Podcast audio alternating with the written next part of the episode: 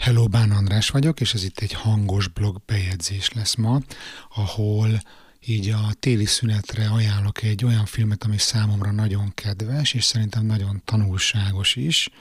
Egy klasszikusról van szó, nem árulom el, hallgassd végig. Ami miatt én ezt a filmet nagyon szeretem, az nem csak a nosztalgia, hanem az az értékrend, ami szerintem ma 2021-ben nagyon is ott van a szemünk előtt, és nagyon is oda kell figyeljünk arra, hogy mi az, ami ténylegesen értéket jelent nekünk, mi a valódi, és mi az, ami csak online kitalált cyber. Úgyhogy eh, remélem élvezni fogod ezt az epizódot, de mielőtt kezdünk, szeretnék neked ajánlani egy ingyenes előadást, amit január 10-én fogok tartani élőben a Facebookon. Az a téma, hogy így mondj nemet önmagadért, a munkahelyen.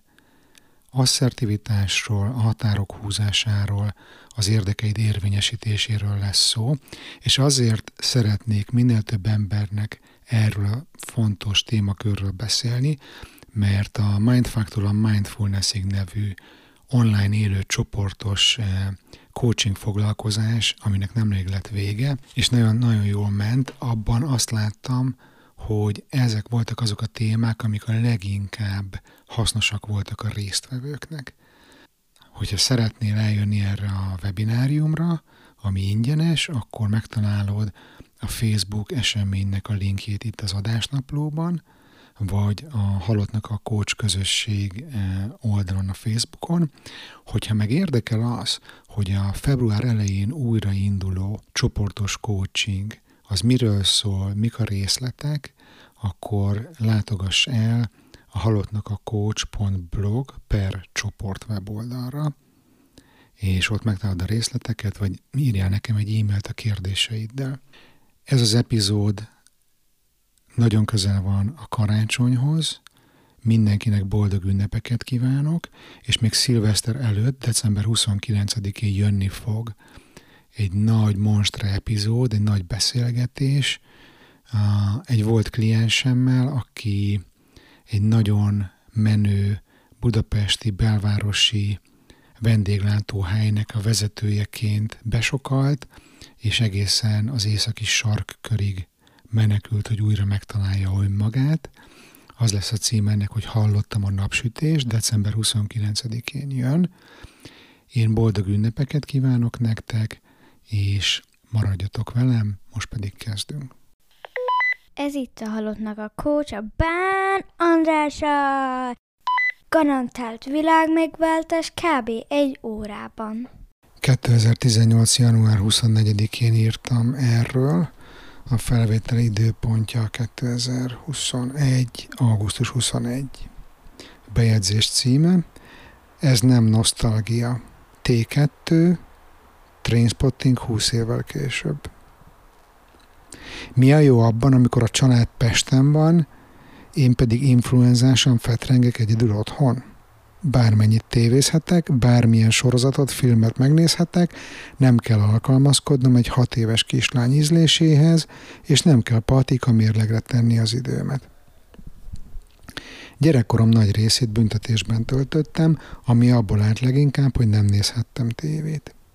Amikor beteg voltam, akkor általában a nagymamám vigyázott rám, és nála a szart is kinéztem a tévéből, pedig akkoriban még csak kettő darab csatorna volt. Ilyen érzésem van most is picit, de a világ sokat változott. Egy millió mindennel lehet bármit nézni, az eredmény mégis hasonló. Magas lázzal legfőképpen agyatlan dolgokat bírok csak befogadni. Az utóbbi két napban meg is néztem például a Baby Driver-t, elment, de nem ajánlom egyáltalán. Mára már annyira lementem viszont butába, hogy elkezdtem ilyen Marvel szuperhősös filmeket tekerni, ami nálam mindennek a legalja. Nagyon ritkán fordul elő, hogy nem nézek végig egy filmet, mert egyszerűen kíváncsi vagyok, hogy mi lesz, meg szeretném a teljes élményt magamba fogadni. Akkor is, ha nem annyira remek. Ma viszont a Suicide Squadot egy óra után kénytelen voltam kikapcsolni. Értelmetlen, nézhetetlen baromság.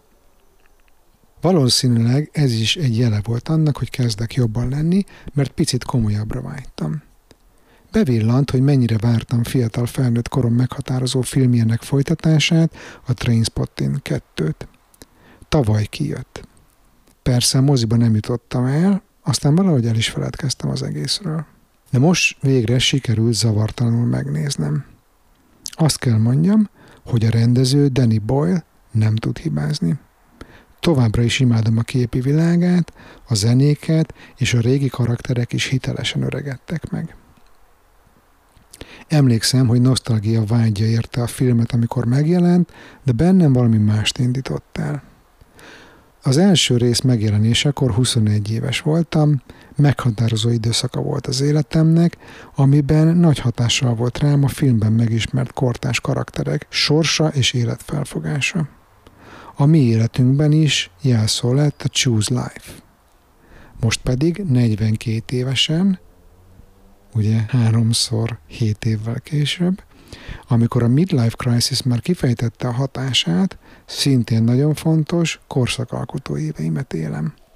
Olyan szempontból nosztalgiát érzek, hogy a 21 évvel ezelőtti legjobb barátaimmal szívesen megosztanám ismét ezt a fontos korszakot és a gondolatokat, eszményeket, ami valószínűleg meghatározza a következő évtizedek irányát. De leginkább a lehetséges párhuzamos valóságok foglalkoztattak mindig. Ez a film azért érdekes, mert megmutatja, hogy milyen hatással volt Rend a legjobb barátaira és azok életútjára, amikor úgy döntött, hogy meglopja őket és lelépett a pénzzel Londonba. Bocs, nem mondtam, hogy spoiler, alert, spoiler alert, hogyha nem láttad a Trainspottingot. Szóval tetszett, ahogyan különböző megküzdési stratégiákat láthatunk, mindegyik szereplő másképpen áll a megbocsátáshoz, vérmérsékletétől és személyiségétől függően. A film megnyugtat, hogy amikor minden összeomlik, akkor az igaz barátok és a család ott vannak, lehet rájuk számítani. Szerintem ezt kéne választani, hogy ott vagyunk egymásnak a napi két órás munkába járás, a Facebook meg Instagram feed updatelése, a blogolás csak pótcselekvés, elvesztegetett idő. Kapcsold ki azt a masinát, amin most ezt hallgatod, és hív föl valaki számodra fontos embert. Kérdezd meg, hogy hogy van, és menjetek el kávézni, váltsátok meg a világot. Válaszd az életet. What's choose life? What? Choose life. Simon says it sometimes. He says, Choose life, Veronica. Choose life. Choose life was a well meaning slogan from a 1980s anti drug campaign. And we used to add things to it. So I might say, for example, choose um, designer lingerie in the vain hope of kicking some life back into a dead relationship. Choose handbags. Choose high heeled shoes, cashmere and silk to make yourself feel what passes for happy. Choose an iPhone made in China by a woman who jumped out of a window and stick it in the pocket of your jacket fresh from a South Asian fire trap. Choose Facebook, Twitter, Snapchat, Instagram, and a thousand other ways to spew your bile across people you've never met. Choose updating your profile Tell the world what you had for breakfast and hope that someone somewhere cares. Choose looking up old flames, desperate to believe that you don't look as bad as they do. Choose live blogging from your first wank to your last breath. Human interaction reduced to nothing more than data. Choose 10 things you never knew about celebrities who'd had surgery. Choose screaming about abortion. Choose rape jokes, slut shaming, revenge porn, and an endless tide of depressing misogyny. Choose 9 11 never happened. And if it did, it was the Jews. Choose a zero hour contract and a two hour journey to work. And choose the same for your kids, only worse. And maybe tell yourself it's better that they never happened. And then sit back and smother the pain with an unknown dose of an unknown drug made in somebody's fucking kitchen. Choose unfulfilled promise and wishing you'd done it all differently. Choose never learning from your own mistakes. Choose watching history repeat itself. Choose the slow reconciliation towards what you can get rather than what you always hoped for.